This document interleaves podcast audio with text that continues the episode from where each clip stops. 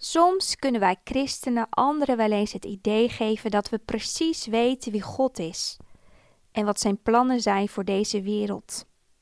We kunnen elkaar haarfijn uitleggen hoe we moeten leven.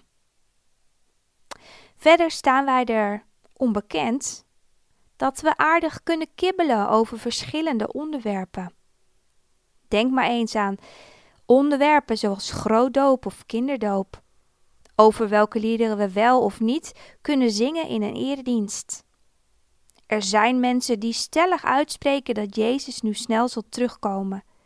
En weer anderen spreken uit dat de wederkomst nog wel een tijdje op zich laat wachten.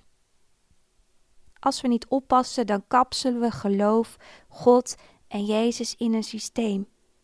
En vanuit dat systeem vinden we iets van de Bijbel en van elkaar. En zo leest ieder met zijn eigen gekleurde bril op het woord van God. Ik vraag mezelf wel eens af hoe nuttig al deze discussies zijn. Ik ben er zeker niet om tegen om eens flink met elkaar na te denken over al deze levensvragen. Maar moeten we niet vaker beginnen bij het begin? Is het niet nodig dat wij minder gaan discussiëren en meer met elkaar gaan praten over de man, over de zoon van God, Jezus? En daarom nodig ik je uit om eens met vernieuwde ogen bij deze man stil te staan. Het is namelijk een groot misverstand dat wij mensen denken dat we Jezus wel kennen. Dat we Hem als het ware kennen als onze broekzak.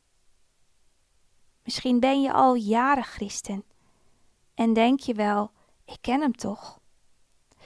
Maar als er iemand niet in een hokje past, dan is het Jezus wel. Zelfs zijn discipelen komen erachter dat ze Jezus regelmatig verkeerd verstaan, terwijl ze dagelijks met hem optrekken en bij zijn voeten hebben gezeten. Lees vandaag maar eens het gedeelte uit Marcus 6. Daar lees je dat de discipelen um, het meer opgaan, terwijl Jezus zich terugtrekt om te bidden tot zijn vader. Maar die nacht hadden ze enorme tegenwind en hoe hard ze ook roeiden, ze kwamen nauwelijks vooruit. Na verloop van tijd loopt Jezus over het water naar hen toe, maar in plaats van dat de leerlingen hem herkenden, raakten ze in paniek en denken ze dat ze een spook zien. Jezus sust hen en zegt: Blijf kalm.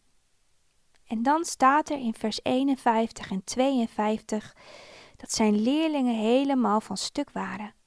Ze waren niet tot inzicht gekomen door wat er net met de broden was gebeurd, omdat ze hardleers waren.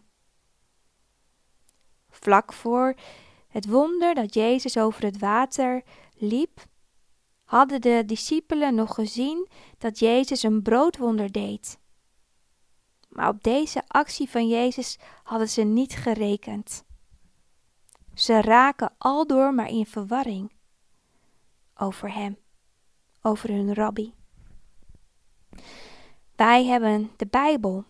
En gelukkig staat er heel veel over Jezus opgeschreven in zijn woord.